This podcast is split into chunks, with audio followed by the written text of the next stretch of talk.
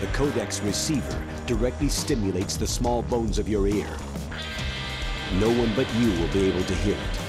No one but you. Stay a while and listen. Nerdeprat.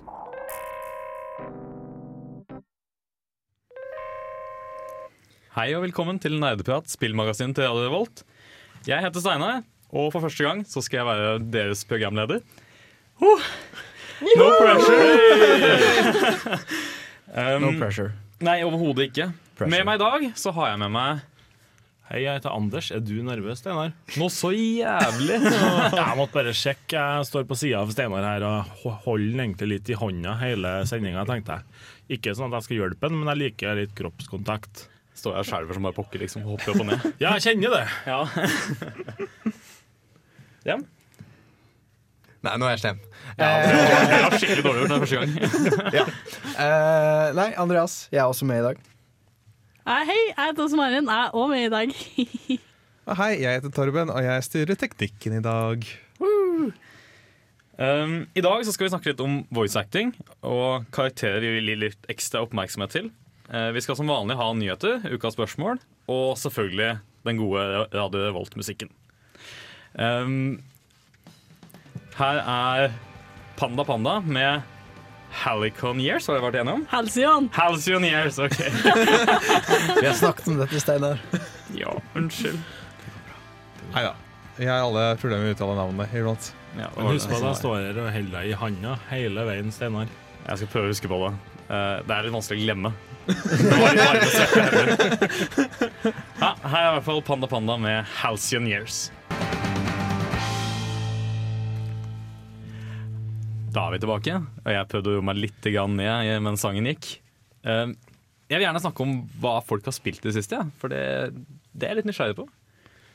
Har du lyst til å begynne? Du, du kikker på meg, og så slipper du hånda mi. Ja, jeg kan selvsagt uh, fortelle. Uh, hva er det Anders har spilt i det siste?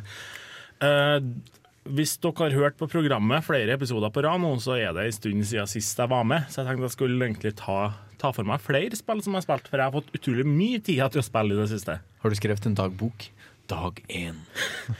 I dag spilte jeg. Nesten. Jeg skal komme fram til det, faktisk. hvor, hvor har du vært? rundt omkring, jobba med skole, jobba med jobb, det- ja, påskeferie, alt mulig rart. Mens dere satt og svetta i, eh, i eh, Vikingskipet, så satt jeg og svetta en annen plass, på en måte. Ja. Så jeg eh, ja, men jeg har bare ikke hatt tida til å vært med på, på program på en stund. Så jeg er egentlig veldig gira til, til å være tilbake nå. yeah. Ja, eh, Jeg tenkte vi skulle starte med liksom det jeg har starta med å spille rett etter jeg slutta å være med i Nerdeprat i en periode. uh, og det var, det var eh, Har dere vært borti Terraria? Ja. Det, er likt, det jeg fått beskrevet som 2D Minecraft. Ja, litt sånn. Eh, det er ikke Terraria jeg skal snakke om, men en Terraria-klone som kom ut. Den heter eh, Starbound. For Starbound er som Terraria in space. Nei da, du, du velger litt sånn forskjellige raser og sånn. Og så det Starbound har som Terraria ikke har, det er at du hele tida har et romskip som du kan beame opp til. Eh, og så kan du reise rundt og besøke forskjellige planeter, i stedet for at du driver og går fra, eh, fra liksom vanlig skog til ørken, som du gjør i Terraria. Så går du ned på en ørkenplanet i stedet. Jeg syns, syns det er interessant, fordi alltid noe av det jeg syns var mest spennende i Minecraft og Terraria, de er at den, de genererer sånn terreng tilfeldig. Så det er liksom alltid noe Når du går over en, en haug, så er det noe ingen har sett før. Og det, det er noe av det morsomste. Jeg vet det er liksom den følelsen av Dette har ingen sett. Jeg er den første som ser dette. Ja. Og det, og det fungerer veldig godt sammen med et romskip. At du på en måte kan oppleve nye ting hele tiden. Nye steder. Ja, ja for uh, i Terraria så har du jo sånn du er helt til venstre på mappen, og så har du helt til høyre på mappen. Men i Spacebound så er du jo på en planet, så straks, hvis du går langt nok til høyre, så kommer du tilbake til utgangsposisjon der du var. Eh, og så er det jo det er en Det er uendelig mange planeter du kan reise til, da. Ja. Du må på en måte unlock sånn at du nå kan puste under vann. Da kan du få dra til vannplaneter. Eh, Du kan få deg noen sånn augment som gjør at du ikke dør av eh, giftig gass. Du kan puste der òg. Så kan du dra til giftplaneter osv. osv. Så, så jeg og kjæresten min vi har og spilt det veldig mye i påska, og det var kjempeartig. Uh, savner litt endgame, så vi følte på en måte at vi nådde en vegg etter sånn 20 timer. eller noe sånt. Ja, for det blir som et sånn sandbox-spill du kan spille evig, eller? Ja, men at jeg, jeg føler at vi kom til det punktet der det ikke var noe mer progresjon i det hele tatt. Det var ikke noe mer gear å oppgradere, det var ikke noen nye våpen du kunne kjøpe, så det var egentlig bare Ja, skjønner. Eh, og så uh, har jeg nå i det siste, uh, for skal vi se, ei og en halv uke siden, eller sånt, så ble det sluppet en oppdatering til et spill som man egentlig trodde var ferdig med å komme og få oppdateringer. Og jeg snakker om Hvilket spill da? Nå snakker jeg om enda et, eh, et eh, spill i verdensrommet. Det er Rimworld, som jeg nevnte tidligere en gang. der man driver Rimworld. Det er et spill eh, Det er ovenfra og ned. eh, Sånn, samme grafikken som i Prison Architect. Hvis du husker fortellingen om organhøsting av piratslaver. Yes. Det var Rimworld. Det er Rimworld.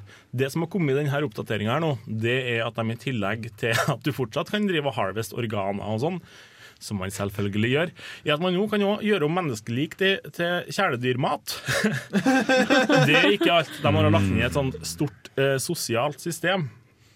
Sånn at alle folkene som er på hele planeten, inklusive alle dyr og alle fiender, har et sånn relasjonspoeng til alle andre som de har møtt på. Ja. Så eksempelvis da, så kan det være to stykker som er gift, og da er de veldig glad i hverandre. Eh, Så har de også pluss pga. at de sover i samme seng eller lander på planeten sammen. Litt sånn bond pga. det. Men jeg har en historie, og det er Det er at det var to stykker. Eh, De var gift og var lykkelige i flere sesonger etter hverandre. Veldig fint. Men en dag var dama ute og kona hun var ute og høgde ved, og mannen lå og sov i dobbeltsenga deres. Så begynte huset å brenne. Og hun springer jo tilbake for å redde ut sin ektefelle, som da ligger eh, svimeslått på gulvet. Han lever fortsatt, men han er i svime. Det var bare hun som var i nærheten, så hun, hun river opp døra, sprenger inn, tar tak i mannen sin og løfter han ut av huset. Og så blir hun skikkelig forbrent i ansiktet i, i prosessen. Og så blir de satt i hver sin sykeseng, og de kommer seg nå tilbake igjen og får litt god helse etter hvert. Men, men eh, dere forholdet deres fikk seg en liten knekk. For han syns hun er så stygg med alle de arrene i ansiktet. Herregud. Så da fikk et sånn minuspoeng til relasjonen av det. Det, Og det veide ikke opp sånn 'reddet livet mitt'-poengene. De, eh, Jeg hadde veldig lyst på en kraftig facepalm. Man kan. Men så, jeg liker sånne spill hvor du får sånne historier. Ja, det er det som er så fint, altså. Det er jo på en måte at du flytter figurer fra dit til dit og ser at de spiser, men du kan lage en sånn kjempegod narrativ i hodet ditt og så gjenfortelle det. Så jeg har starta å lage en sånn Let's Play nå, som jeg begynte å publisere på, på YouTube, der jeg skal spille Rimworld over en lengre periode. Ja, jeg, Hvordan finner vi deg på YouTube? Åh, jeg har ikke lyst til å si det ennå, for jeg kun laga én episode. Men okay. straks jeg begynner en sånn tre-fire episoder opp, så kommer jeg til å nevne det her på programmet. Og da er det bare å gå inn og se, og kanskje du til og med kan bli med hvis du gir meg et navn du har lyst til å ha med i den Let's Playen. Ja, så kan en av eh, figurene være de, har, du, eh, har du oppkalt figurer etter oss? Nei, jeg er med på ei Facebook-gruppe, og det var vi som starta med den. Så, så så langt så har vi uh, Vi har Hank, som er en sånn jeger og lederen for gruppa. Så har vi Simen, som jobber i gruvene og er homofil. Eh, og så har vi Emma, som er kjempevakker, kjempetjukk og doktor. og så har vi, skal vi se, sisten Nei, det er bare dem så langt. De har nettopp blitt joina nå av en fyr som heter Kyle til vanlig, altså i in real life, så jobber Kyle som brannmann. Men den Kylen som joina gruppa, han er redd for flammer. Så, så, så jeg er kjempespent på hvordan det kommer til å gå videre. Det blir bare en søt historie om brannmannen som er redd for Brannmann, Det var tragisk. Skal jeg fortsette videre i sirkelen? Ja, altså jeg har akkurat flyttet. Jeg har flyttet fra Berg studentby, der jeg bodde før, til uh, sammen med Åse og Torben og Chris, som ikke er her, og noen til. Det har blitt enda mer nerdpratkollektiv? Ja, Liksom. det har blitt veldig nerdpratkollektiv. Uh, men jeg har ennå ikke funnet ut helt hvordan jeg skal måte Fordi nå, nå må jeg liksom flytte rundt på alle tingene mine. Liksom, hvor skal liksom PC-en min oppi alt dette? Uh, og jeg har nå lurt på om jeg skal putte den på stuen. Fordi det er liksom Jeg syns ikke det er så koselig å stenge meg inn på rommet. Det er litt koselig å være sammen med de andre i fellesarealene. Samtidig er det kult å ha PC-en sin PC-en sin litt for seg selv.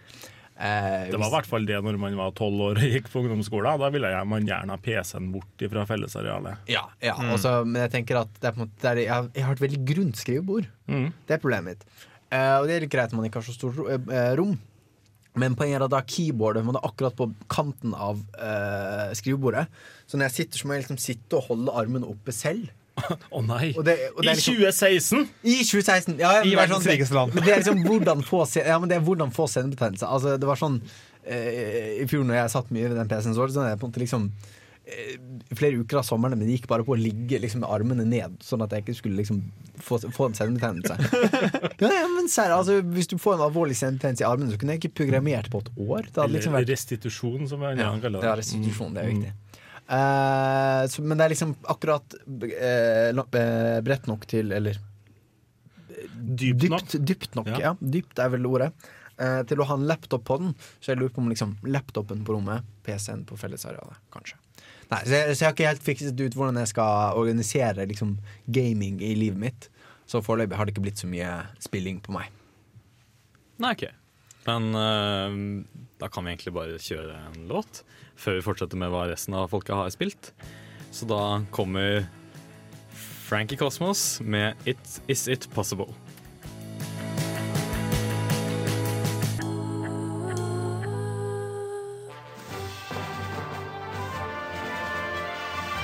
Du hører på Nerdeprat på Radio Revolt. Da kan vi egentlig bare hoppe rett på deg også. Hva er det du har spilt i det siste? Vi hopper på Åse! Ja, men I det siste så har jeg spilt Jeg har trengt litt eh, terapi. Så jeg har spilt veldig mye Sims 4. Ok, Uh, og det som er interessant med, den, uh, med det huset jeg har bygd i, for jeg, som jeg flytta inn familien min i, er at uh, det er et gammelt sånn insane house. Sånn gammelt sånn, For jeg spilte en familie som kunne være sånn der alle var insane. Og folk drepte hverandre, og masse spøkelser og masse tombstones. Og ja, det var veldig makabert. Hva har skjedd med The Sims? Så det er som en episode av American Horror Story, rett og slett. Ja, rett og slett. Ja, det, altså, det var liksom sånn gradvis etter hvert at folk eh, Alle er jo stengt inn på den tomta, så folk begynte jo å drepe hverandre og sånn. Men å liksom stenge inn hverandre i rom og altså, det, var, det, det er ikke med vilje, sant? Men det er sånn Nei, nei, at det er- én er sim står der liksom fremme om døra, sånn at det er en annen sim som ikke kom, kommer seg ut av, ut av badet, for eksempel. Så de dør i sitt eget piss.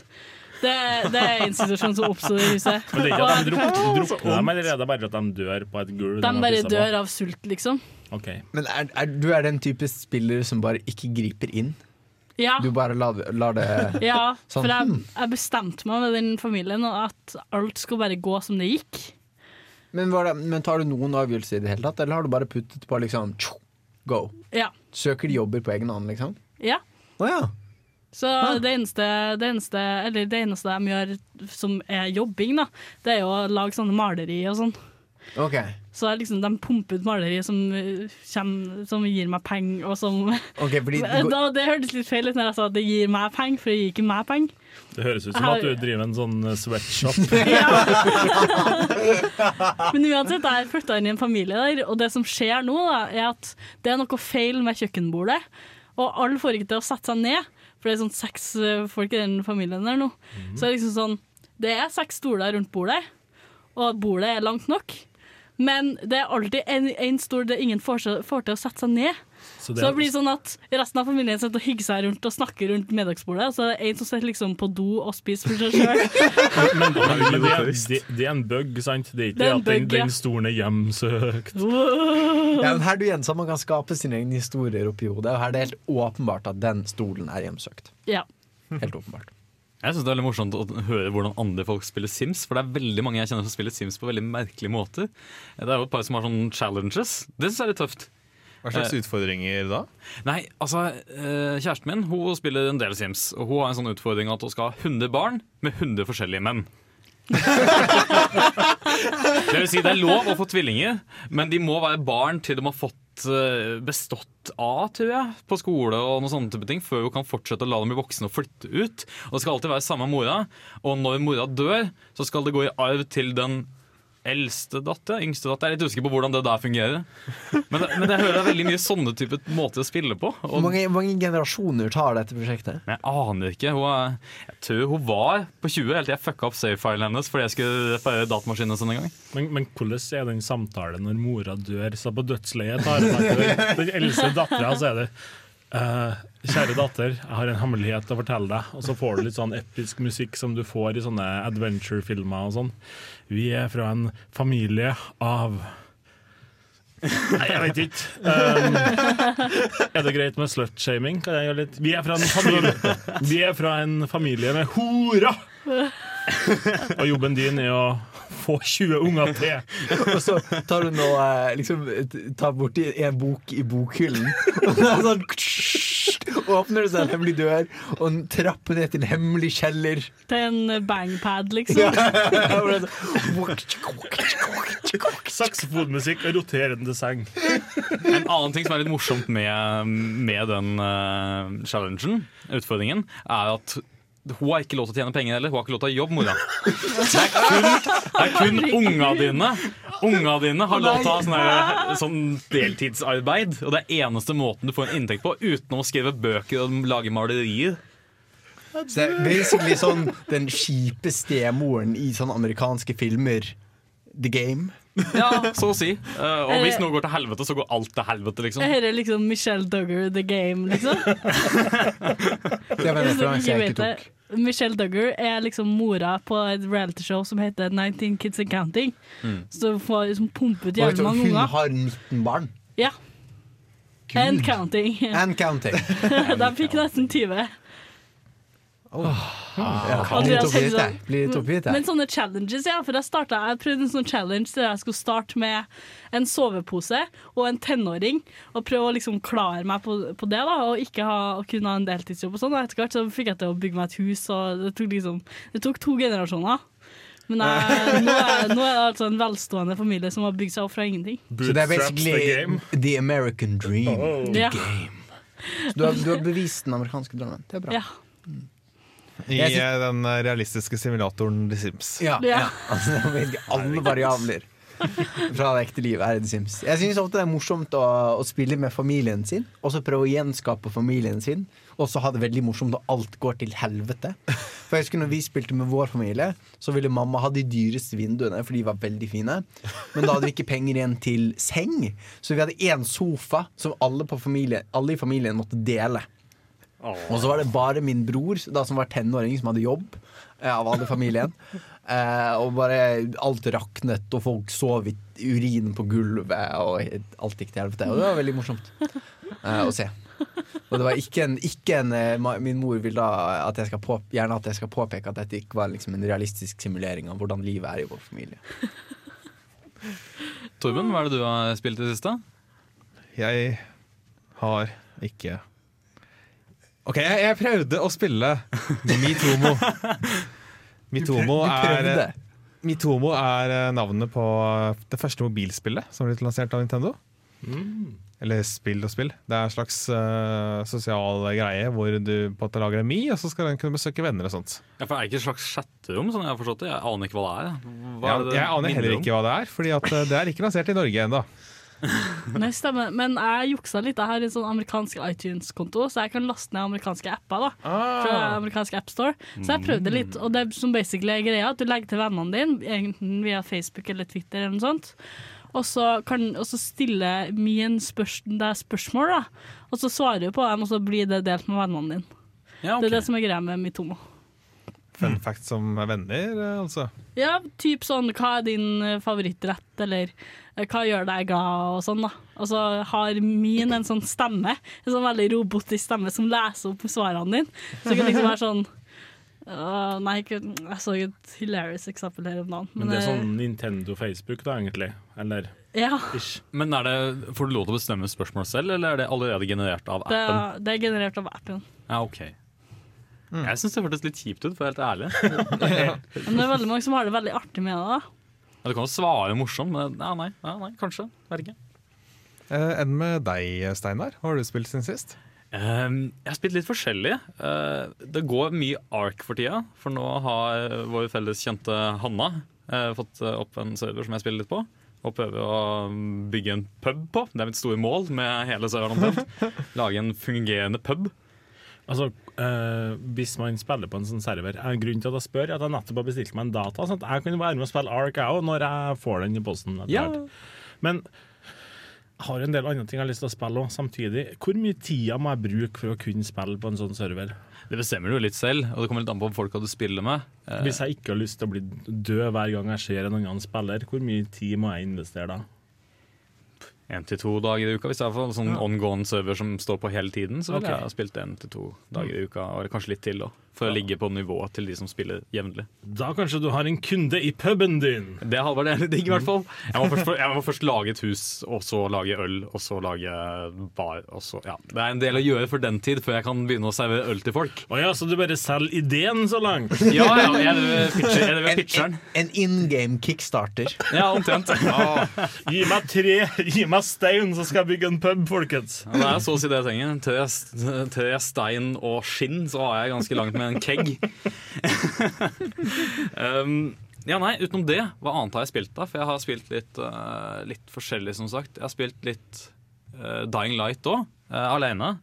Mest fordi at jeg har lyst til å lage kule våpen. For jeg fant ut at det var morsomt å samle inn ressurser til å lage våpen for å drepe zombier. Om jeg tar helt feil, så er Dying Light på tilbud på Steam nå, tror jeg. Ja, jeg tror det. Mm. Et par dager. 33 om jeg ikke tar helt feil. Jeg husker ikke eh, hvor mye det var, men det er det. Og det er verdt å plukke opp, altså, syns jeg i hvert fall. Det er et veldig fun spill å spille med andre mennesker. Og alene òg, for så vidt. Det er et godt tidsfordel. Nå prøver jeg å jukse her og det- søke opp uh, hvor mye det er på tilbud. Kan hende at vi står her og lyver til lytterne nå. Ja, ja. Men det er jo ikke den første gangen vi har gjort det. Hæ? Nei, det ser ikke ut som at det, det nei, Nei. Det? var, var litt vanskelig å finne bare Fins ikke bare Dying Light lenger? Nei, det er vel Fordi nå må du tydeligvis kjøpe med The Following. Ja, for Altså- det var det vi snakka om på The Gathering vi innad i Nerdprat også. At, det, at du må kjøpe expansion, og det er derfor de kan holde prisen oppe for, som et nytt spill. Ja. ja, for du får ikke kjøpt det uten første DLC-en The Following. Ja, korrekt. Og det er derfor de klarer å holde prisen oppe også. Jeg vet ikke om det er sleipt eller ikke. Jeg synes det det er litt sleipt, egentlig. Hvis jeg bare har lyst på grunnspillet. Ja, ikke sant? Men, Men som har, sagt, bra, jeg liker jeg har hørt bra ting om. DLC-en, da. Ja, jeg synes den er Den, tøff. eh, ja, du har, du har den med Ja, ja, jeg kjøpte den på The Gathering når vi var der, for å Ah, spille ok. med Chris og Hanna. i hovedsak Der Chris hylte og jeg lo som faen. Ja, det er sant. Det er- Skreik til andre enden av vikingskipet. Folk svarte. Det var veldig morsomt. ja, nei, andre ting eh, Tenker lage knyttelyd med munnen. Mm. En sånn mm, Får det deg til å tenke fortere? Ja, egentlig. Det hjelper litt på tankeprosessen. Mm. Eh, Jeg har spilt Minecraft, det har jeg. Eh, Fortsatt med mappet som jeg har mast om flere ganger. Jeg har lyst til å vise, legge det ut en gang, bare sånn at folk kan skjønne hva jeg snakker om. Men det blir nok i sen framtid. Holdt på å si hvis det er noen som heter det.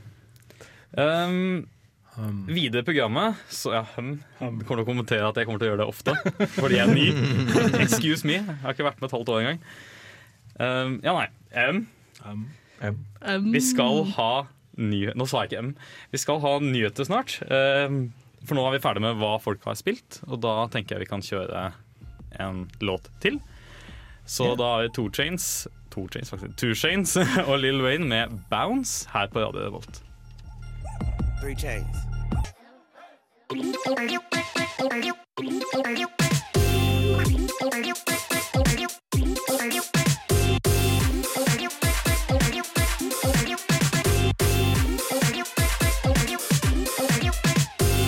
Nerdenytt. Da skal vi få Nerdenytt med Andreas Dørum. Ja, det stemmer, fordi nå begynner spill å komme til eh, eh, VR. Vi skal snakke om spill som tar steget fra brettspill til dataspill. Og noen som går andre veien, fra, nei, fra dataspill til brettspill. Vi skal snakke om uh, spill som kanskje er på vei. Vi skal snakke om det egentlig handler om etikk i heroisk eventyrvirksomhet. Men lady. Kanskje. Eh, og, men først, la oss snakke om et eh, spill som vi vet er på vei. Jo, nemlig Titanfall 2. Fordi nå har den første eh, teaseren, jeg vet ikke hva vi skal kalle det på, på norsk, eh, sånn, eh, altså Det er ikke en trailer, det er en Smakebit? sånn En smak, smakebit. Terging, ja. Terging. Eh, den første smakebiten på Ja, det ble litt erotisk plutselig. Det var ikke meningen. Det bare blir sånn av og til. Eh, men den første smakebiten på eh, Titanfall 2 Jeg vet ikke om dere har sett den, eh, dere andre? Nei. Nei. Høres ikke sånn ut? Titanfall 2. Det er noe, De har fått noen nye våpen, vet jeg. Ja, for altså, det er etterfølgeren til Titanfall 1, som var en, eh, en uh, multiplayer uh, førstepersonsskytespill som fikk veldig mye skryt, men som falt litt fra hverandre. Litt, litt ulike grunner til det, men det virker som folk etter hvert følte det ikke var noe Det var ikke liksom noe endgame, da. Mm. Men det var liksom eh, Du kunne både gå til fots, og du kunne være i sånne store kamproboter. Og folk syntes det var kult, eh, på en måte balanseringen mellom Du hadde noen fordeler når du var til fots, for da er du raskere og kan liksom gå mellom smug og sånn.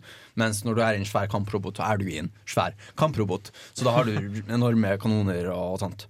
Men når vi får den eh, første smakebiten fra Titanfall 2 det de lover er at det skal bli mer eh, historiemodus. Altså I den første så var det en historiemodus, men den var på en måte vevd inn i flerspillermatcher. så det er liksom Du spilte en vanlig match 16 mot 16, men for deg så var det et mission. Men det var ikke liksom Men for de andre så var det bare, liksom bare en multiplayer-match. Så det, folk var ikke så fornøyd med det. Så nå skal det være en enspillermodus, og Wait for it. Det skal være sverd! Det skal være kamproboter med store, enorme sverd. Eh, og, det er, altså- og det er egentlig det vi vet. Her er jo For enkelte folk som sikkert digger kjemperoboter og sverd, så må jo dette være deres våte drøm, tenker jeg. Jeg snakker ikke nødvendigvis om meg sjøl, men kanskje. Ja, men jeg prøver bare å se for meg en person som ikke liker enorme kamproboter og sverd. Og Ja, ja. Jeg kjenner ikke den personen. Nei, altså Min empatiske evne kommer til kort. Jeg bare klarer ikke å se for meg hvordan et sånt liv er uten å like enorme kamproboter. Så det blir eh, spennende å se. Altså det, De kommentarene jeg har sett fra folk på internett, er at liksom hvis, hvis de klarer å på en måte kombinere det som var bra fra den første, med litt mer innhold, sånn at folk blir der lenger, så kan det virkelig bli en hit. Og som alltid så stoler vi på folk på internett. Ja, jeg, jeg tror ikke at alle hater Titanfall 1 som bare lurer meg. Jeg tror ikke det. Men jeg har ikke spilt det, da. Eh, så kanskje. Kanskje. Men fra, fra spill vi vet kommer til spill du går eh, rykter om. Fordi eh, det er noen på eh, NeoGAF-forumet som har funnet ut at Namco Bandai har registrert varemerket Amazing Katamari Damacy. Og det er da man tror at det er en oppfølger til det fantastiske spillet Katamari Damacy. Har dere spilt det? Det slår meg som et nisjespill, siden det kun er du som er gira her. Eh, Hva, hva er katta... Jeg, har- jeg har hørt det ordet, jeg har hørt det navnet, men jeg husker, det ikke- husker ikke helt. Ok, Poenget er at du er en liten prins som okay. ruller en ball. Med er ting. det ballen! Eh, og ballen med ting kan rulle opp ting som er mindre enn seg. Så du begynner gjerne på, kanskje på et lite rom, og så ruller du opp alle blyantene og visklerne. Og så blir du større og større, og så kan du begynne å, å rulle opp bøkene i rommet. Og så kan du begynne å rulle opp små møbler, og så tar du sofaen og bokhyllen, og så tar du hele huset, og så tar du liksom en boligblokk, og så bare så i prinsippet fungerer det samme som det nettbaserte spillet Agario. da At det er litt sånn. Ja, bare at det er ting. Det er jo det Ja. som er så gøy. Det er ikke bare store, det er ikke bare rundinger, men det Ja. er faktisk ting. Ja, og så blir denne, ball, denne ballen har jo alle de tingene på seg. Så du får liksom en sånn svær klump med masse sånn folk og dyr og trær og møbler og sånn som stikker litt sånn Men kan du dele deg opp? Nei. Shit, for nå så jeg for meg sånn nesten litt sånn Loco Roco til PSP. Altså, nå stirrer det jo rart på meg. Loco Roco var et sånt spill der du var en sånn stor ball men, som består av masse små baller, og så skal du komme deg gjennom sånn De, de, de er skikkelig søte. Ja, det er et Ja. kjempesøtt spill, og jeg spilte veldig mye når det kom ut, fordi jeg fikk det med PSP-en min i den tida. Det er en sånn rosa PSP 1001. Those were the days. Nei, altså, målet i Katamari har alltid vært å bare bygge den største, største tingen. Da. Så går det ofte på tid, eller du må Det kan være forskjellige levels hvor du eksempel må plukke opp en spesiell type ting, eller sånn. Eh, og, det er bare, og det er bare sånn fargefull fargefest med masse morsomme ting. Og det er en helt sånn crazy setting med intergalaktiske skapninger. Og en helt vill, koselig musikk som går sånn da, da, da, da, da, da. Jeg kan ikke gjenskape den. Går i veldig høy toneleie. Jeg lurer på, Når var det det siste Katamari-spillet kom ut? Oh, det er et godt spørsmål. Uh, det kom et sånn uh, smarttelefonspill som ikke slo så veldig godt an. Men uh, det jeg spilte Hva var det var er det er en het? stund siden jeg hørte den nevnt, i hvert fall. Som jeg tror. Katamari, Hva er det de Nå, nå jukser jeg litt her. Uh, fordi jeg spilte et til PlayStation 2, så det er liksom det er, Vi, vi snakker om PlayStation 2, ja. Ja, det er den æraen, liksom. Eh, ja, fordi det jeg spilte, var som het We Love Katamari, og det kom i 2005. Ja, og. Katamari Damasi det var det første, det kom i 2004. Og det er liksom de mest populære. Og da- 11-12 år siden? ja. Og så har det kommet masse spill siden da. Altså Touch My Katamari, som høres litt sånn ut. It's growing and growing! Um, som kom til PlayStation Vita, og Tap My Katamari, som kom Uh, faktisk tidlig i år. Tap that Katamari. Oh, tap that Katamari. Um, um, som kom til IOS og Android tidligere i år, men ingen av de har egentlig slått an. Og det var mye sånn microtransactions og sånn. Så mange håper at kanskje dette er at man skal si, gå tilbake til røttene uh, og lage et, et morsomt og uh, bra Katamari-spill igjen. Og så kan jeg, kan jeg ta en liten eh, nyhet. Jeg vet ikke om jeg tør å gjøre det til en liten nyhet. Men det er blitt en sak på at um, Kanskje det blir en stor sak. Vi får se. Om folk føler seg at de har mye å si, så kan vi kanskje eh, dra det over eh, eh, til etter en Nå driver du og hyper noe veldig Ja, før du kommer til Jo, poenget. ok, ja, jeg ødelegger. Nei, fordi eh, det ble en sak om at i det nyeste Baldur's Gate-spillet, Dragon Spear, eh, så var det med en eh, transkarakter. Det er snakk om eh, karakteren Miss Hena. Som når du snakker til henne i spillet, så forteller hun sin historie. Hun eh, ble født som en gutt, men innså at hun var eh, en jente, og, det, og lagde da sitt eget eh, Skapte sitt eget navn og sin egen identitet som den hun følte hun var.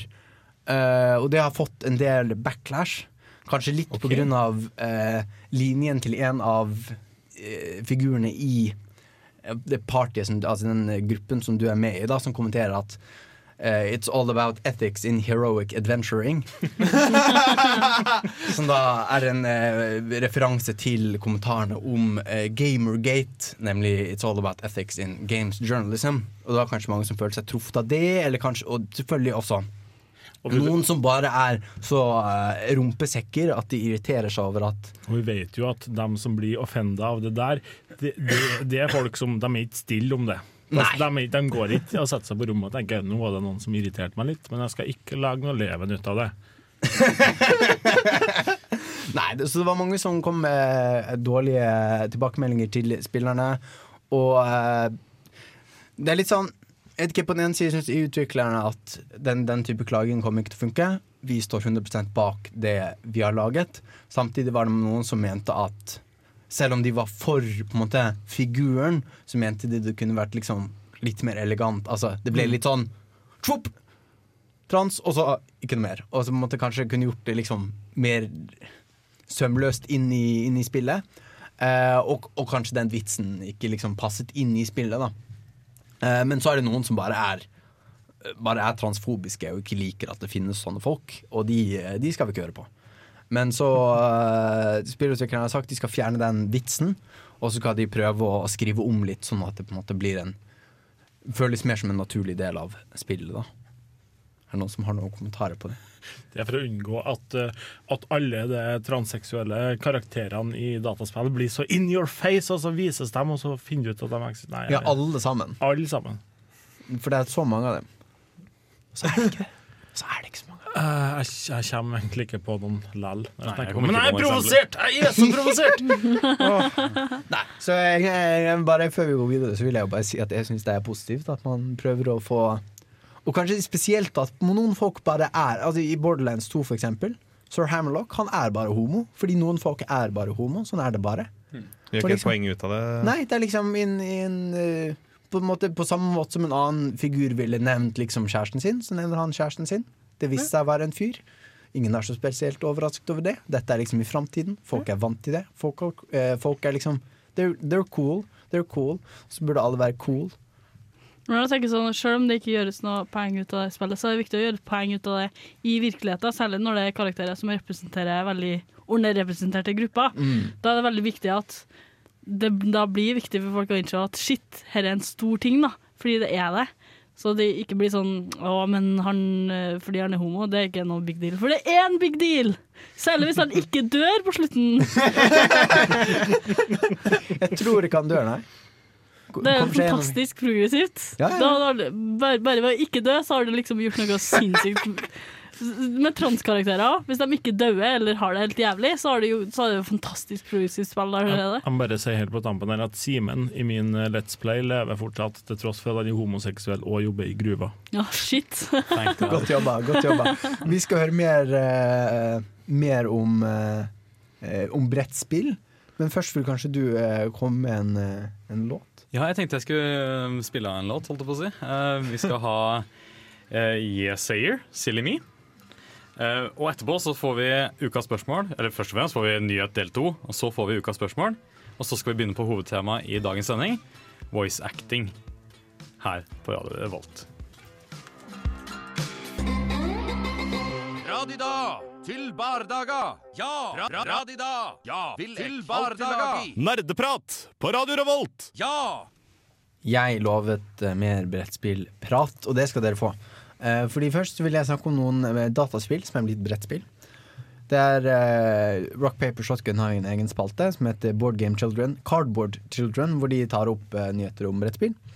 Og de kan blant annet uh, avsløre Jeg vet ikke om det er en avsløring, men det, kommer et, det skal komme et Blackborn Bloodborne eh, ah, Nå roter jeg med ordene her. Bloodborne The Card Game, altså.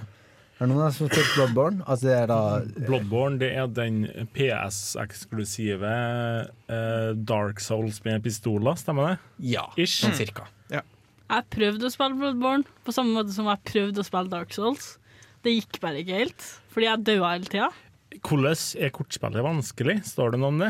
Det er det jeg lurer på. Er Ja, det, det er sånn, liksom- umulig å vinne? Eller? Du dør jevnlig. Ja, det står sånn Nå må du brenne kortstokken og kjøpe en ny en, fordi du suger så mye. Eller Hver gang du dør, så må du bare kjøpe en ny kortstokk. Blir det en sånn rogelike Nei, det- Rogelike til card game? Altså, det spillet skal være en slags sånn eh, kooperativ, kompetitiv eh, blanding, hvor eh, man spiller da Hunters, det er de protagonistene i Bloodborne-spillet, som konkurrerer om å være raskest gjennom en eh, dungeon. En av disse Chalice Dungeons som var med i Bloodborne-spillet. Fordi rest, det meste av spillet er på en måte fasttatt, men Chalice Dungeon de var litt, litt, litt annerledes hver gang du spilte dem. Så det, jeg regner også med at dette kommer til å være en måte at det blir jo forskjellig hver gang du spiller. da Eh, Så det er interessant. Jeg, jeg syns det er spennende med sånne blandinger av uh, kooperativt og kompetitivt. For du på en måte av og til må man hjelpe hverandre, for hvis ikke så taper alle. Men du vil likevel være den som gjør deg best. Samtidig så er det bestandig morsomt å spille et brettspill som er satt til en verden som du er kjent med fra før av. Eh, For eksempel ja, hvis Game of Thrones-brettspillet bare har vært sagt, satt i et fiktivt fantasyland som ingen har hørt om før, og alle kommer til å høre om etter det her brettspillet ble gitt ut, så har ikke jeg kos- kosa meg like mye med det som når jeg vet at det er satt i Westeros. Ja, så blir det også en, en eh, ting du ikke trenger å forklare fordi man på en måte skjønner litt relasjonen mellom mm. ulike skikkelser, fordi man kjenner dem fra en, eh, en TV-serie. Og apropos verdener vi kjenner, så skal komme Naruto The Board Game. Er det noen som så på Naruto? Jeg så kjempepass på Naruto. Når jeg var yngre. vi leka Naruto når jeg gikk på barneskolen, men jeg så det aldri sjøl. Jeg bare lata som jeg gjorde det. For du lekte leker med de kule de Jeg var, alltid, altså, jeg var alltid jenta, og det var liksom hun ene med rosa hår. Så du var sånn fake gamer girl Ja. som ikke hadde sett Naruto? Fake uh, anime geek Anime girl. geek girl, ja. Men det, det, også, det virker veldig spennende. Det er, um, eh, det er et helt sånt kooperativt spill, så man spiller eh, ninjaer. Altså Naruto er en sånn ninja-anime hvor du Ja, du har ninjaer, da, og så slåss de. Uh, man spiller hver sin ninja, og så man, har de sånn kart over da, den verdenen, og så reiser du fra sted til sted, du gjør oppdrag og kjemper mot monstre og sånne ting.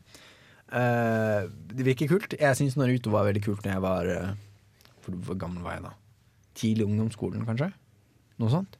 Det var morsomt. Og det, og kanskje det til og med er et bra brettspill. Men hvis det er basert på Naruto, betyr det at det kommer til å vare evig lenge? Ja, Én match tar ca. en uke. oh. Og hver, hver gang du begynner å spille brettspillet, så må du ha en flashback til forrige gang du spilte brettspillet. Som varer i ca. 15 minutter. Eh, og, så- og så kanskje eh, mer eh, dataspillaktig. Eh, Lost Patrol eh, fra Warhammer 40 000-universet. Er du mest på fantasy-varianten av Warhammer, du, Jeg er Anders? litt, heller litt begge veiene. Jeg jeg er bi-Warhammer-seksuell. Ja. Jeg skulle gjøre den vitsen også. Nå. Har du spilt Lost Patrol, for dette er da en, en, en, en ny versjon av et eldre brettspill. Det er mange av uh, Warhammer 40 000-spillene som er brettspill også. Det, er det Jeg har jo spilt Vårhammer-brettspill. Det har jeg siden det i utgangspunktet var brettspill. Men Lost Patrol har jeg ikke vært borti før. Nei. Har jeg ikke. Uh, er det, er det, står det noe om hva slags type monster eller noe sånt som er med der? For, for uh, det første Warhammer 40K-spillet Det var en sånn Rogue Trader eller noe sånt. Og der var det bare én type aliens som ble introdusert. Som er noe sånne De ser ut som aliensene fra Aliens-filmene. For å si Ja. aliens mange nok ganger i løpet av en setning, så nevnte jeg det nå. Uh, bare at de har dobbelt så mange armer eller noe sånt. Kan det være Gene Stealers? Gene Stealers. Fordi det, dette er det dette spillet òg. Det er Ah. Space Marine Scouts, altså ikke med, med lettere rustning, Mm. som må overleve i en jungel full av Gene Stealers, som der er firearmede alien-monstre. Ja, eh, det, det originale foregikk vel på et eh, på romskip, tror jeg. Men, Ja. men eh, det, det ser kjent ut. Men mange av disse brettspillene har blitt tatt spill. Gothic Armada, som akkurat kom til nå, var Mm. begynt som brettspill. Um, og nå burde jeg komme på flere, men jeg kommer ikke på noen. Vermintide. Vermintide. Uh, den der hvor man er på Bloodball. Blood Ja, det man er på, på ett romskip.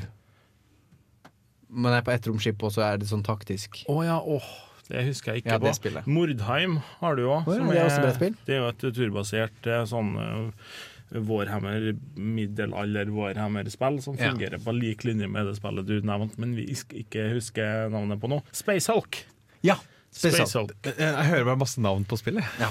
Det, det er, det, det er Warhammer er kanskje noe av det Vi, vi kommer til å ta en Warhammer-episode senere ut i, i år, tenker jeg. Ja. Der blir det enda mer som Torben ikke forstår seg på til å begynne med. Men fra eh, dataspill og andre ting som blir brettspill, så skal nå Katan Universe har gått inn i Early Access. Og det er gratis, så alle kan spille da Settlers of Katan. Det legendariske brettspillet, om jeg kan si det på den måten, ble erklært til århundrets brettspill. Um, og det er virkelig Jeg har spilt mye Katan. Det er Erobret verden med storm. Oi, oi, oi. uh, og det er, altså det er det alle burde spille istedenfor Monopol. Og nå kan du spille det gratis uh, på katanuniverse.com. Uh, det er en sånn eh, eh, multiplayer kan du spille, eller singleplayer. Eh, og det er, litt, det, er litt tidlig, det er en litt tidlig versjon, men eh, det, jeg prøvde en runde i sted.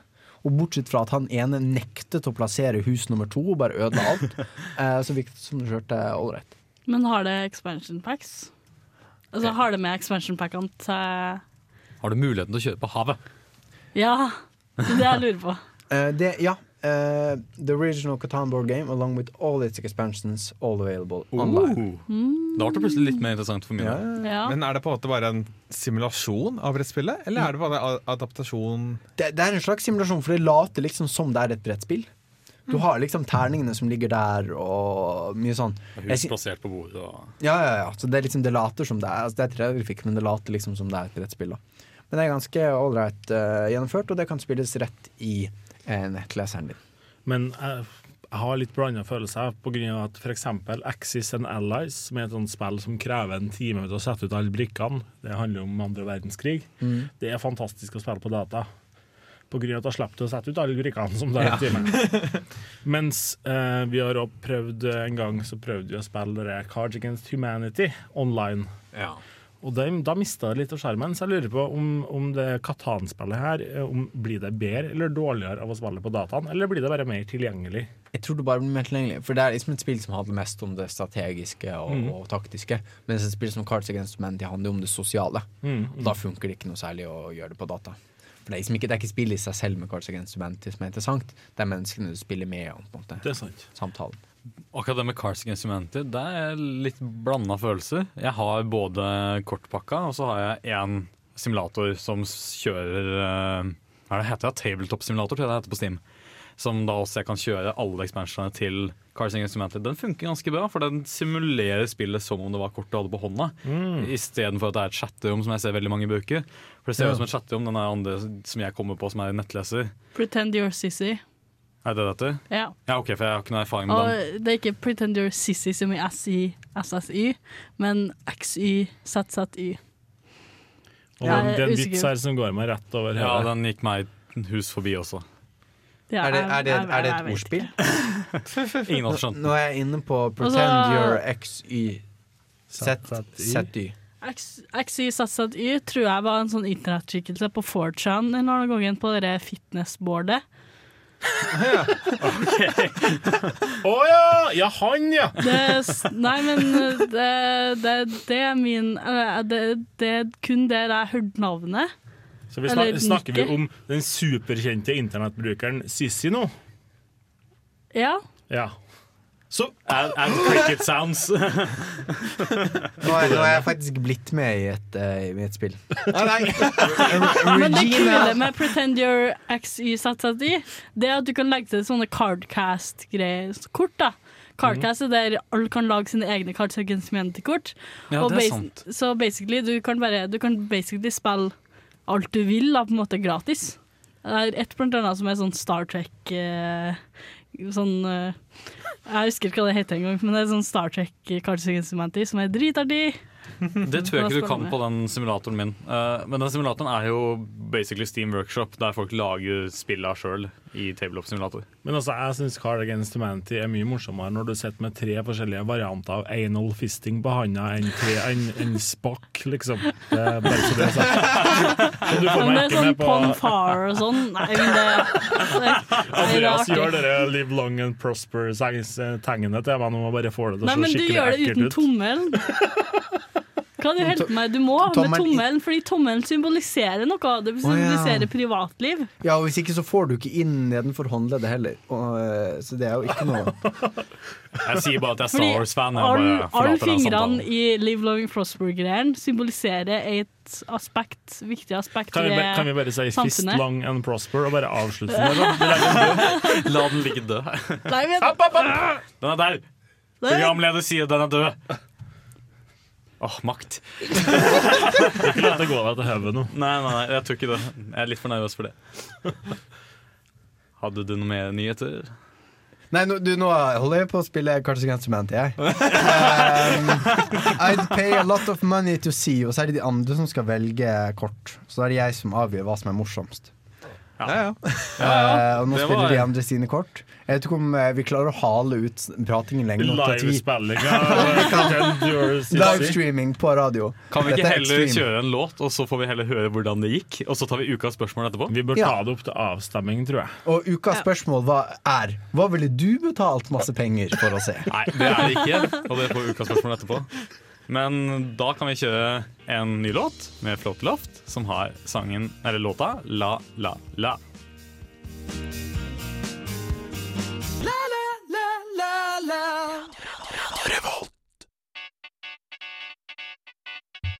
Når innså du at du var en gamer? Dersom du kunne spilt kun et spill i et år Hva er det eldste spillet i backloggen din? Og du var på en øde øye i helvete mens du var 11 år gammel Hva har du lært fra spill som du har fått nyte av i hverdagen? Er det et spill som har hjulpet deg gjennom en tung periode av ditt liv? Hva er ukas spørsmål? Og ukas spørsmål skal du snart få, men jeg er litt nysgjerrig på det spillet Cards Against Humanity-spillet. Hva, hva, hva var det du rakk? Ja, fordi der var ukas spørsmål, holdt jeg på å si. I hvert fall uh, Cards Against spørsmål var eh, I'd pay a lot of money to see. Og de eh, fire alternativene var eh, Sucking a thousand dicks. Vent litt, vent litt, vent litt. Spilte du Cards Against Humanity mot Kari Jakkesson, eller hva? 100 Days of Prostitutes.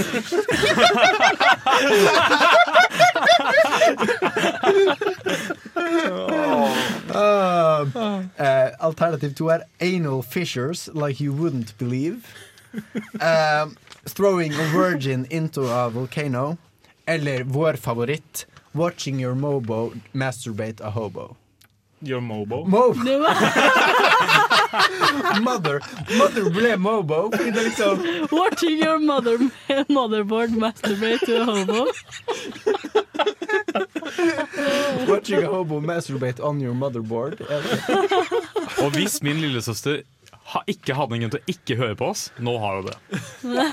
Men nå er det for sent. Nå Nå er det for sent. Men jeg tror aldersgrensa gikk opp litt nå. NSV LS, altså Not Safe for Little Sister. Ja, det er litt for seint. Ja, ja. Og nå er tross alt klokka fem over seks, og så barne-TV har begynt, bare så det er sagt. Ja, nei, hun nei, hun er litt for gammel for barne-TV. Men Man blir aldri for gammel. Ja, ja. Men nå skal vi ta ukas spørsmål. Jeg gleder meg. Er du spent? Jeg er spent. siden temaet vårt egentlig er voice acting, så er jeg nysgjerrig på hvilken karakter ville dere ha voice acta? Og hvem kan dere klart og voice acte? Det er to forskjellige Hvem ville jeg klart? Hvem ville du klart, og Hvem ville jeg helst gjort? hvem skulle du ønske du kunne gjøre? Oi. For det er altså Jeg har innsett at rent sånn dialektmessig i hvert fall, så klarer jeg ikke å gjøre noe annet enn meg selv. Jeg, klarer, altså, jeg, klarer, ikke, jeg klarer knapt min egen dialekt, selv om jeg ikke vet helt hva den er. Um, så jeg tror jeg måtte hatt noe jeg skulle klart. Det måtte vært noe som passer liksom til min naturlige stemme. Fordi jeg klarer ikke, jeg klarer ikke noe annet.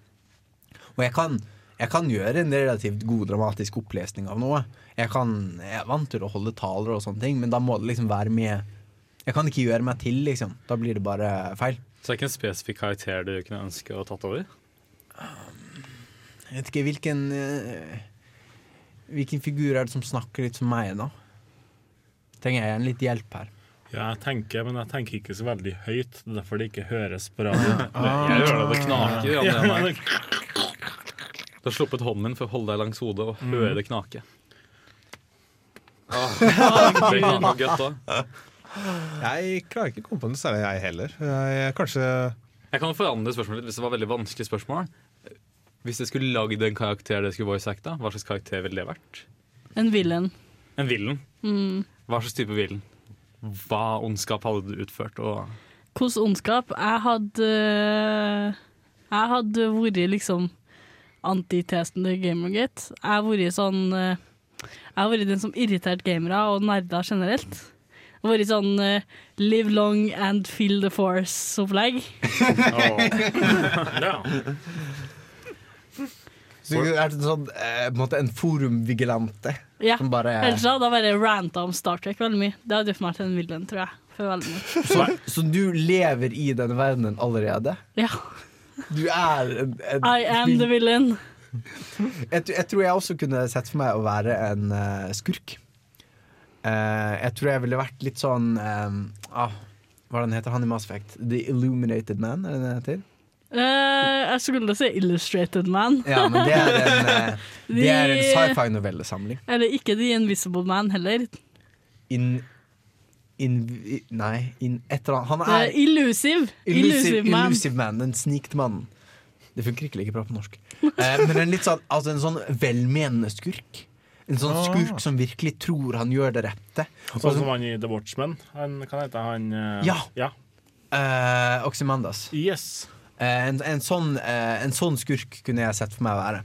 Litt, litt den skurken som måte, Mens protagonisten kjemper seg gjennom Jeg ser for meg jeg, jeg, er kanskje leder for en eller annen eh, eh, forsknings, En forskningsbase. Ser for meg En forskningsbase Og mens protagonisten liksom kjemper seg gjennom forskningsbase, så holder jeg sånne eh, snakket han gjennom eh, høyttaleranlegget. Og liksom holder sånn Ser du ikke at du ødelegger alt? Alt det jeg har bygget? Alt det jeg, skal, jeg skal redde menneskeheten! Eller et eller annet sånt. Og liksom holde den talen. Det kunne jeg sett for meg å gjøre. Det, det, det kunne vært morsomt. Jeg ser for meg at eh, jeg tror at jeg kommer til å være Altså, jeg har svar på begge spørsmålene, egentlig. Ja, det er bra. Eh, den realistiske jeg kunne ha vært, det har vært voice acta et esel i et spill. OK, why? Oh, ja, det, det var den. Men, men jeg tenker at det eh, jeg kunne ha vært som, som jeg, altså den karakter som jeg fant på nå. Det er en sånn halvveis brave uh, comedy relief-person som dør i tutorial. Okay. For å vise uh, Altså sånn Hei sann, velkommen til første dag her på Superheltskolen, eller noe sånt. Og så skal vi vise dere hvordan dere eh, kommer dere inn i ei brennende bygning for å redde ut kattepuser. Og så springer han inn, litt sånn heroisk med heroisk bakgrunnsmusikk. Og så kommer han aldri ut igjen. Så sånn, han, han, han mente så godt, men han var så dårlig. Det tror jeg er en karakter som passer meg. Jeg tenker at Dere hadde så mye bedre svar, men jeg har tenkt litt mer. Og da har jeg kanskje vært eh, hun på arn- Eller jeg har vært i datastemmen. Det er det jeg ville ha vært. Sånn, uh, altså, sånn kunstig intelligens-damestemme? Vi er sånn Finner filer. Vent litt.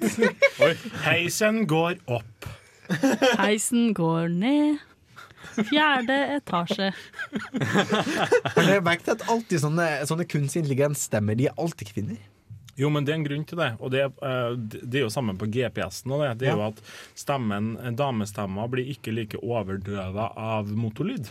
Det er derfor det er sånn på GPS-en. Så tenker jeg at de bare har videreført det på grunn av at ja, det er jo strengt tatt ganske behagelig òg. Er det fordi det er på høye frekvenser? Kanskje. I'm not a scientist. Nei, jeg, eh, lurer på om jeg kanskje kunne heller vært en narrator eller noe sånt.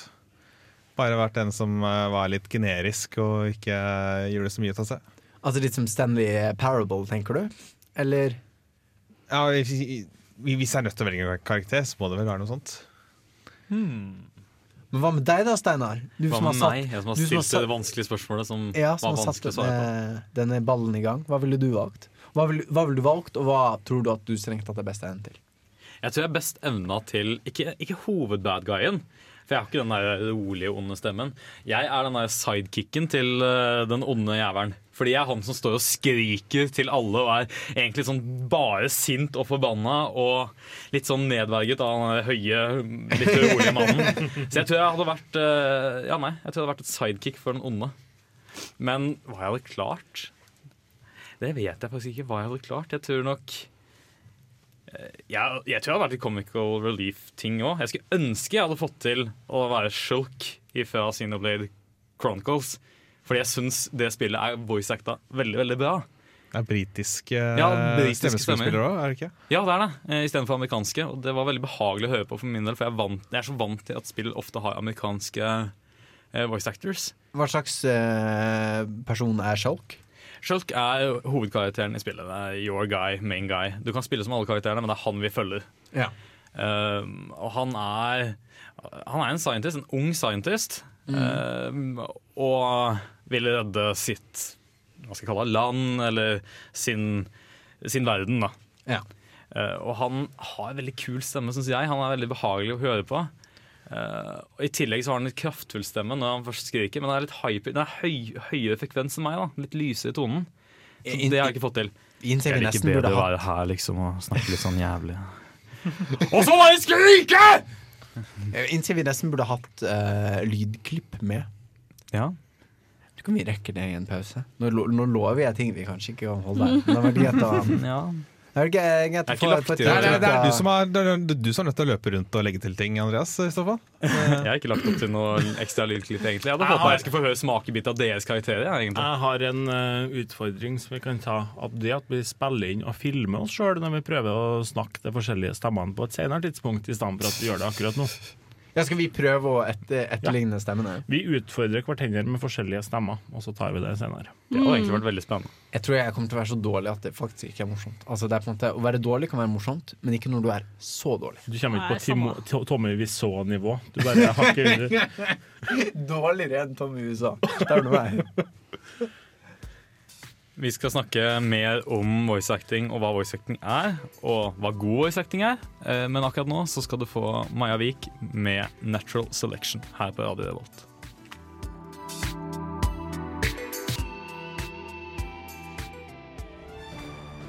I'm Commander Shepard, and this is my favorite podcast on the Citadel. Og da skal vi gå til dagens hovedtema, nemlig voice acting. Og Stemmeskuespill på norsk. Stemmer. Norsk, norsk, jeg syns norsk er litt sånn teit. Teit, teit, um, og jeg lurer litt på hva folk syns uh, om voice acting, og hva voice acting har blitt, og hvor viktig det er i spill den dag i dag. For det var jo ikke så viktig med voice acting før. Det var ikke så mye av det i forhold til det er nå. Jeg tror grunnen til at det ikke var så mye av det, er jo det var de tekniske begrensningene. Altså en, um, en melodi kunne jo bli spilt inn som en midi-fil. Nå snakker jeg om ting jeg ikke kan. men, men altså, en en midi-fil er ikke veldig stor, stemmer det, Torben? Det stemmer. Du Tor- lagrer bare notene når den, den noten skal spille. Du Og så er det et instrument som allerede er programmert inn, som spiller det. Men du kan ikke gjøre det med stemmer. I hvert fall ikke da. Før i verden. Så kunne man ikke gjøre det. Da jeg var ung, da jeg var ung så hadde vi ikke sånne avanserte stemmeetterligningsserier og sånn.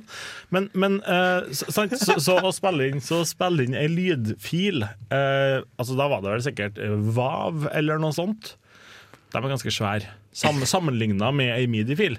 Så jeg tror det var plassbegrensninger og systembegrensninger som gjorde at det i altså, langt tilbake ikke var vanlig med stemmeskuespill.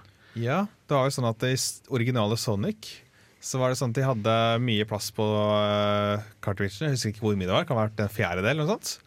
Så fant de ut uh, hva skal vi bruke den til. Jo, vi har et lite klipp hvor de sier 'Sega'.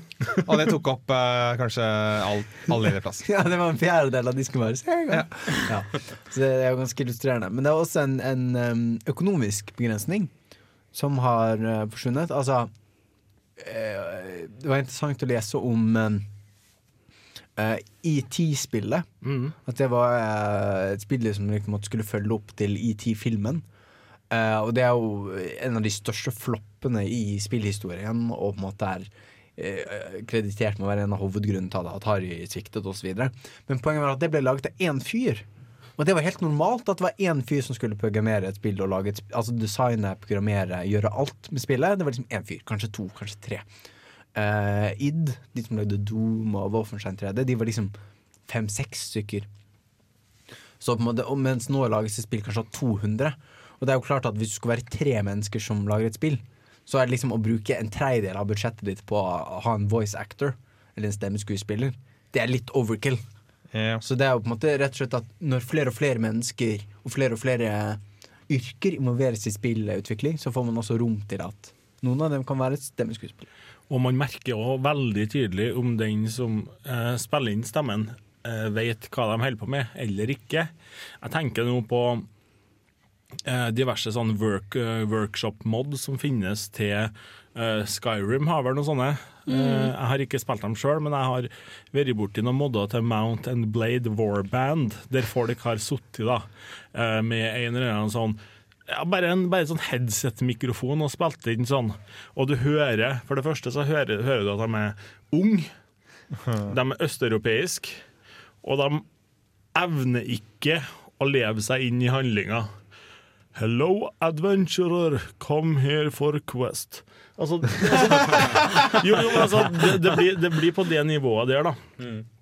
Og når man da er vant til at ting faktisk er like sømløst på, på lydsida som på den grafiske sida eller, eller gamedesignet, så, så blir man, da, da merker man med en gang at noe ikke stemmer helt. Du merker det når du snakker om sånn headset-mikrofoner og sånn. Mm. Jeg merker jo det liksom når jeg, jeg satt og spilte Far Cry 3 med en kompis, Mm. og stemmeskuespillere på noen av de civiliansene er jo sånn, det er sånn headset-mikrofonkvalitet. Du hører liksom sånn dårlige aksenter og alt mulig som liksom ikke høres ut som de er ekte i det hele tatt. Og så har du liksom den kvaliteten som skiller seg så dramatisk fra resten av stemmeskuespillinga at det blir, sånn bare, det blir en vits, på en måte. Kanskje, kanskje spesielt når Far Cry 3 er en av de spillene med best eh, stemmeskuespill. Jeg snakker da om Vas, den på en måte en av de store skurkene i dette spillet. Og det, det var på en måte hvor Ubisoft har eksperimentert med disse her, sånn veldig karismatiske super eh, på en måte, Jeg vet ikke. Altså nesten litt par, De er liksom veldig overdrevet. Men mm. faktum er at det funker, fordi folk, folk flest er mer overdrevet enn man tenker. Eh, og på en måte lager en veldig sånn storslagen karakter. Altså i Vas i Far Cry 3 og han Ming, hva han heter, i Far Cry 4. Du kikker på meg, men jeg vet ikke. er det noen der som har spilt Far Cry 4? Nei. Nei, jeg, har ikke, jeg har ikke spilt Far Cry 4. Men det er også en sånn, en sånn eh, veldig bra voice-acted uh, sånn skurk, da. Og det er jo det de virkelig har satset på. Da, da blir det jo desto tydeligere. Noe er kjempebra, og noe er helt absurd dårlig. Men jeg bare har et spørsmål i forhold til voice acting. Eh, Tenker du på voice acting kun altså i sånn cutscenes og sånn, eller kan det òg være at hvis jeg sitter og spiller Starcraft, og hver gang man trykker på en drone, så hører man sånn Sånn lyd. Det Er voice acting, det òg? Jeg ville argumentert med at det var lydeffekt mer Mm. enn voice acting. Men veldig mange hadde vært sinte på meg og sagt at det er skuespill, det òg. Eller Men- det er voice acting, det Men òg. enn enn når du spiller Warcraft 3 og sender en ork til å hogge skog, og så sier han 'work, work', eller 'I'm going, I'm going'. Altså Det er bare sånne Det sånne- er jo en voice act. Ja. Det er noen som har brukt tida på å spille inn det og lagd stemmen Mm. for at det skal fungere. Så det er jo en voice act. Så det, det er en voice act? Ja, det vil jeg påstå. Ja, ok. Mer enn en lyd som sier Vi er veldig, veldig eh, nazi på å finne ut definisjonene av ting noen gang i programmet, merker jeg. Men jeg måtte bare få det litt klart for å vite mer hva jeg skal snakke om etterpå. Ja, for jeg tror det er veldig blanda hva folk syns er voice acting, og hva som er lydeffekt. Mm. Ja, jeg vil jo påstå at Nintendo har voice acting i sine spill. Ja. Selv om de ikke har en eneste linje med dialog. Eller de har liksom noen ord iblant. Ja, men da får du på en måte en helt annen Da har det en helt annen hensikt. Mm. Hvis det på en måte en ting er Altså en lydeffekt kan være med på å kommunisere eh, liksom kinemato... Altså følelsen av bevegelse, følelsen av kraft. Altså i Half-Life 2 så er lyden fra pistolen kjempeteit. Den er sånn og det gjør at jeg bruker aldri pistolen, fordi den høres ikke kraftig ut. Sant? Så lydeffekter kan være med på å liksom skape følelsen av å skyte et gevær. Følelsen av å hoppe. Men jeg føler det er noe annet enn å på en måte kommunisere Altså når en, en, en skikkelse i spillet skal kommunisere en følelse til deg. Hvordan, hvordan spill er det? Det, det? det varierer fra spill til spill, selvsagt. Men det var noe sånn first person shooter-spill. Jeg spilt som hvis du detter ned for langt. Altså Hvis du hopper ned fra en høyde og detter for langt ned, så hører du en sånn Idet du begynner å dette og få nok fart, da, eller sånn idet figuren din oppnår maksfart. Og det gjør, det gjør det at du får litt mer høydeskrekk i sånne spill enn hvis du bare driver og hopper rundt og no-scope 360 MLG, liksom. Altså, men også at, du hopper, at du hopper kjempelangt ned, sånn som du kan gjøre i Quake, f.eks. Ja. Det er ikke like virkningsfullt som hvis karakteren din, du hører karakteren din kauke som en skremt lita jente idet han hopper fra et høyt tak. Ja, så kommer det sånn når du lander. Og det, er sånn, de er det er det i Tomb Raider òg, når du detter ned fra høyda eller blir drept sånn, for de er jævlig, jævlig mange ulike cutscenes der du dør. Mm. Og da er det noen som har liksom voice acta de scenene der, og jeg tenker bare stakkars dem som har bare stått der og, og Nei! Jævlig lang tid, liksom, over og over igjen. Ja, for, altså, for meg så er god voice acting er når jeg tror på det som skjer i spillet. Når jeg blir dratt litt inn i det, og jeg begynner å få litt medfølelse med karakteren, eller at jeg forstår handlingen gjennom bruk av stemmen. Men hvordan og hva er det som gjør en god voice act for dere i spill? Hva er det som er godt? Altså Det er jo litt vanskelig å si, Fordi når det funker, så merker du det ikke. Ok, Sant? er, det, er det det som er kriteriet? At du skal ikke kunne merke at det er voice acting? Ja, men hvis jeg sitter og tenker Dette var bra skuespill, da funker det jo ikke. For da tror jeg ikke på det. Sånn, når jeg tror på det, så tenker jeg ikke på at det er skuespill. Da Mhm. bare tenker jeg på Å å nei, det har skjedd noe! Eller da er jeg på en måte engasjert i historien, da. Ja.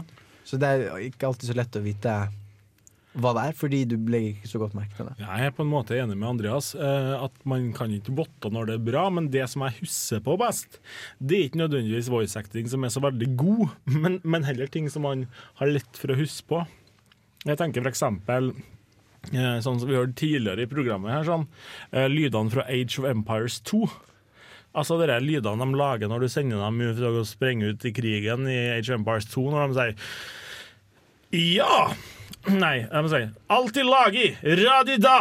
Aldri, det, er der, sånn, det er sånne ting som, er, som bare setter seg til meg. Eller um, eh, Eller han, han ene vakta i Skyrim som bare står der og ranter om at han kunne ha vært en adventurer, han ja. Til han fikk en eh, pil i kneet, sant, der han der. Det er arrow to the knee, ha-ha-ha, internett-meme. Ja, alle de Ja. folka, Mange av de i Skyrim har en sånn rar dialekt. Mm. Sånn pseudoskandinavisk dialekt. Som jeg ikke helt skjønner. Apropos det med skuespill, liksom. Ja. Jeg skjønner ikke helt hva de tenker med den dialekten. Den er litt sånn Ja, For dialektene, det å tro på dialektene, det er veldig viktig, da. Det er, det er jo liksom at det skal være realistiske aksenter og sånn, for det er jævlig vanskelig å få til òg. Sånn, all kreds til dem som får til en realistisk aksent, som ikke er deres egen, på en måte. Fordi det må være jævlig vanskelig. Jeg har aldri fått til det sjøl. Men folkens, jeg trenger en låt. Åh. Da må du vel bare få det. Jeg må nesten bare få en låt. Gi meg en låt! Gi meg en låt. Jeg skal Har noen en låt?! Gi meg en låt, er du låta. snill. Eh, låta heter Squeeze, og det er av kloroform.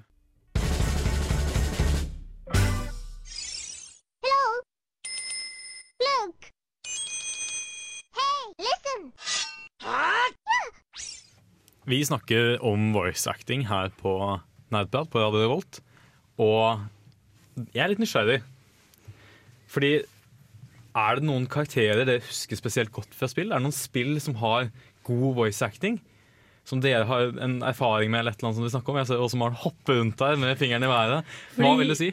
Det er en karakter som ble en av mine favoritter utelukkende pga. hvor realistisk og bra stemmeskuespillet var. Og det er Evelyn Valen fra Dragon Age 2. For oh. min del, hun, hennes karakter også, Hun har vært så godt reflektert i den stemmen at det virka som jeg snakka med en ekte person. At hun var en ekte person.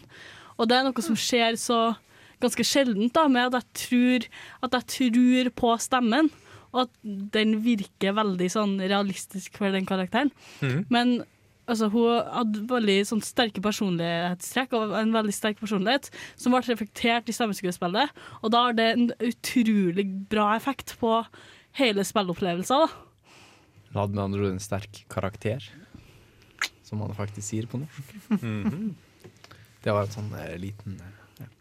jeg kan, jeg, Nå som jeg først er i gang med å snakke, skal jeg bare fortsette å snakke? Ja, du kan bare fortsette med Andreas. Fordi jeg, jeg hadde lyst til å ta opp uh, Mass Effect. Vi hadde jo en, eh, en eh, liten jingle med uh, Femskjepp, som hun ofte kalles. Fordi hovedprotagonisten i Mass Effect kalles jo bare Shepherd, fordi du har samme etternavn uansett. Mm, og jeg, jeg, jeg hørte at uh, folk flest foretrakk den eh, kvinnelige varianten. Ja, fordi altså, de fleste spilte som den mannlige varianten. Og det var liksom, den mannlige varianten var det som var på det meste av eh, måtte, eh, cover- Ja, markedsføringsmateriale. Foran på spillboksen var det eh, og, ofte John Shepherd var liksom den offisielle versjonen. For du velger ditt eget fornavn, og så velger du skjønn på din Shepherd. Mm. Og det er da to, eh, to eh, stemmeskuespillere. En en som heter Mark, og så er det Jennifer Hale. Og Jennifer Hale er super awesome. Eh, og jeg tror det er noe Altså, jeg har spilt med begge uh, Begge Altså, jeg har spilt gjennom flere ganger. Jeg har spilt med både mannlig shepherd og kvinnelig shepherd. Uh, og jeg må si kvinnelig shepherd som renegade. Altså, det er den Du kan velge liksom en moral for shepherden din, og renegade er liksom den hardbarka romagenten som lar ingenting stå i veien for målet! Og, og, og det er liksom så Ja fantastisk bra stemmeskuespill, fordi det viser så stor dynamikk fra liksom når du moser, eh, knekker nesen til noen med pannen din, og liksom eh, Til å liksom eh, snakke varmt til en av de Til den du ender opp med romantisk, da, for det kan du gjøre i Mass Effect-spillene. Du kan få et forhold til en av de andre figurene i spillet. Um, og, og vise den eh, bredden, og at jeg tror på begge ekstremene. Jeg tror både når uh, Shepherd eh, og, og Jennifer Hale moser nesen til noen og brøler til dem, og jeg tror også på henne når hun eh, viser omtanke. Du snakker om Mass Effect, så kom jeg på nå at Liara er en karakter som har veldig sterk karakterutvikling, og Mm. stemmen hennes reflekterer det veldig godt. Så stemmen hennes på en måte vokser med karakteren, på en måte. Ja. og det gjør den utvikla veldig naturlig og veldig realistisk. da. Ja, fra liksom den naive, blåøyde eh, forskeren til liksom den tøffe Dette har vi snakket om før, for det Mm. liker Liara veldig, veldig godt. Eh, men ja, som du sier, det, det, du hører det i stemmen. Eh, fra at hun går fra liksom å være litt sånn «Åh, drømmende til å være liksom litt hard i stemmen. Kult. Jeg har eh, to karakterer som har skilt seg spesielt ut for meg. Eh, den ene det er, det er i Wolfenstein The New Order, som er det um, first person Wolfenstein-spillet som kom nyligst. Eh, på tur etter at Ja, vi dropper spoilerne. Du sitter på et tog, eh, og du er en del av motstandsstyrkene. Eh, og du er utkledd som en kelner, og så plutselig så er det en en kvinnelig Altså ei dame i nazi-uniform som huker tak i deg og ber deg om å sette deg ned. Ja, og, du, og, og nazistene har vunnet krigen, og de liksom Ja. hersker. Det, Og hun bare sitter og prater om å, du ser arisk ut og bla, bla, bla. Men også møter du på henne flere ganger utover i spillet. Men fy faen, for ei motbydelig dame, tenker jeg. Altså, hun, hun eller den sku, stemmeskuespilleren da, klarer å naile så gæli en skikkelig sånn ufyselig karakter hele veien. Og her er jo ikke en det er jo ikke en karakter som er gjennomført Jo, hun er jo gjennomført ond, men altså, det, det viser forskjellige deler av, henne. Du viser ikke bare den ond latter jeg står og eksperimenterer på folk-delen. Hun har jo òg en kjæreste og en del sånn forskjellige ambisjoner og sånn, som du da eh, ser underveis i spillet. Blir irritert bare av å prate om henne. Så derfor hopper jeg til en mer, litt mer munter karakter, som òg har, eh, har satt seg fast litt i hjernebarken min, og det er Codsworth fra Fallout 4. Som er hageroboten din. Yeah. Eller kjøkken, ja, allround tjenerrobot, egentlig. Codsworth. Ja, sant. For Codsworth han er jo sånn, han er typisk sånn britisk butler. Eh, bare at nå har verden gått under. Men han har ikke helt fått med seg det. Han vil jo fortsatt klippe gress og sånn. Man prøver så hardt å holde det rent, ja. men det er så vanskelig! Det radioaktive støvet legger seg overalt! Ja, jeg har virkelig sansen for Codsworth. Er det ikke sånn at de spilte inn massevis av navn, sånn at eh, denne roboten kunne uttale navnet som folk valgte? Mr. Todd. Mr. Steven. Og ikke minst Mr. Boobies. Det som er så synd med at de uh, spilte inn så mange navn til Codsworth, er at jeg tror det gikk på bekostning av stemmeskuespillet til uh, sidekickene dine. Fordi det er enkelte sidekicks som ikke har fått programmert inn uh, kvinnelige pronomen. Oi! Det er litt weird. Sånn at hvis du spiller som en kvinnelig, kvinnelig karakter, så blir det noen ganger referert til som han, eller som liksom Ja, mister og sånn. Men altså, verden har gått under. Noen gang så må man vel legge kjønnskampen til side, tenker jeg. ja, men det, Det er mutanter på begge sider. Dere er tom for mat, Nei, men men bruk eksempel- rett pronomen, gutten min. Nei, men Det er et eksempel på at stemmeskuespill er viktig. Fordi det, Når jeg blir referert til som han, når, kvinn, når karakteren min er kvinnelig, så Mhm. bryter immersionen min med en gang. Sant? Ja, sånn, ja. Jo. Men jeg ga deg nettopp en forklaring på hvorfor det ikke er så nøye. Nei, men det Så er du kan fortsette å leve deg inn. My immersion! Men et interessant eksempel jeg vil trekke opp med Fallout 4 er Altså, i eh, Mass Effect så har du eh, skikkelsen Gareth. Gareth er en av mine favorittfigurer fra et spill.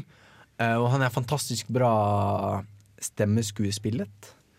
Eh, hvis det er spilt, spilt Spilt? med stemmen. Eh, han er fantastisk bra spilt. Eh, og samme skuespiller opptrer i Fallout 4. Eh, ikke, som litt sånn ymse voice actor. Altså i Bethesda har en tendens til å bare gjenbruke de samme stemmeskuespillerne i masse roller. Selv de, liksom, noen av de viktigste bruker de bare til masse ymse. Eh, og det er litt rart, når liksom har ikke hørt den stemmen før som en helt annen person. Um, men det fortalte meg litt om at det er ikke bare stemmeskuespilleren som har noe å si. For da er det liksom samme stemmeskuespiller som leverte en rolle som berørte meg dypt. Som nå er i en annen rolle som jeg ikke bryr meg så veldig om, pga. kontekst, pga. hvordan det er bygd opp. Eh, kanskje pga. du må ha en eller annen Du må ha noe regi, ikke sant? Som på en måte sier 'litt mer som en Batman'. Jeg vet ikke. Eh, Manus også, kanskje? ja, ikke minst. Teksten de leser, er viktig. Eh, så det er på en måte Det er ikke alltid nok. Selv om hvis eh, Nei, det er, ikke- for det er ikke Jennifer, det er ikke Jennifer Hill som gjør uh, female protagonist i Fallout 4. Hvis det hadde vært Jennifer Hale, så hadde det blitt eh, Men, uh, Game of the Year. Jennifer Hale har en annen rolle som Krem i Dragon Age Inquisition. Og Ja. det gjør hun òg veldig bra. da Og det, det er enda en karakter som sto ut veldig for meg. Nei, når- vi først var inne på en figur, eh, eller en hva heter det, skuespiller som får til mye rart eh, Du skal kanskje ikke tro det, men det er samme fyren som står bak stemmen til Super Mario og Luigi og Vario. Det er samme, samme, grynt, eh, samme person som står bak alle de gryntene. Ja. Og jeg har sett et intervju med han, og det er kjempemorsomt, for han har jo ikke en sånn stemme i det hele tatt til å begynne med. Og så plutselig bare kanaliserer han sin indre italienske rørlegger, og det bare går helt crazy. En annen eh, fantastisk hjemmeskuespiller, jeg skulle husket hva han heter, men han som står bak Losing La Chance i Oblivion. Er Mm. fantastisk eh, stemmeskuespiller og bare får til den sånn raspete skurke, eh, skurkestemmen skikkelig, skikkelig bra. Men jeg kom til å tenke på litt på sånn uh, klisjeer. Kan jeg bare nevne en klisjé? nå, mens Ja, jeg- ta den klisjeen. Altså, Er det noen av dere som har spilt et spill uh, der du har en dverg, og så snakker dvergen ikke med en sånn irsk-skotsk aksent? Aldri. Jo, faktisk, men det er litt skuffende, syns jeg, for jeg forventer en irsk ire når det er en dverg. Det er alltid ire. Ja, men det er sånn Let's fight the lads! Altså, hver gang så snakker dvergen sånn, forventer jeg. Ja, ja nei. Ehm, nå skal vi spille en låt til. Eh, Jake Hoffman fra Supreme League of Patriots med låta NYPD Office.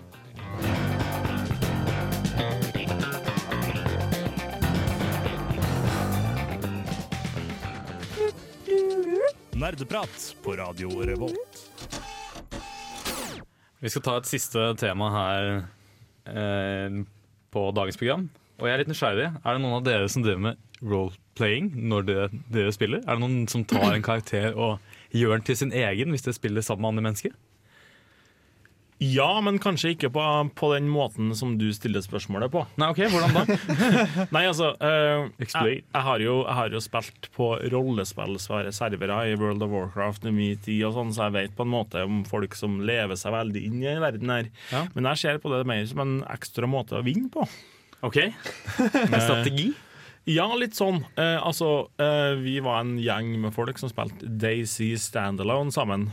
Eh, og da var det veldig sånn at vi, vi gikk rundt eh, For Daisy foregår jo i liksom Russland etter en atomkrig eller noe, er- eller zombie outbreak. I hvert fall en sånn, eh, sånn postapokalyptisk framtid.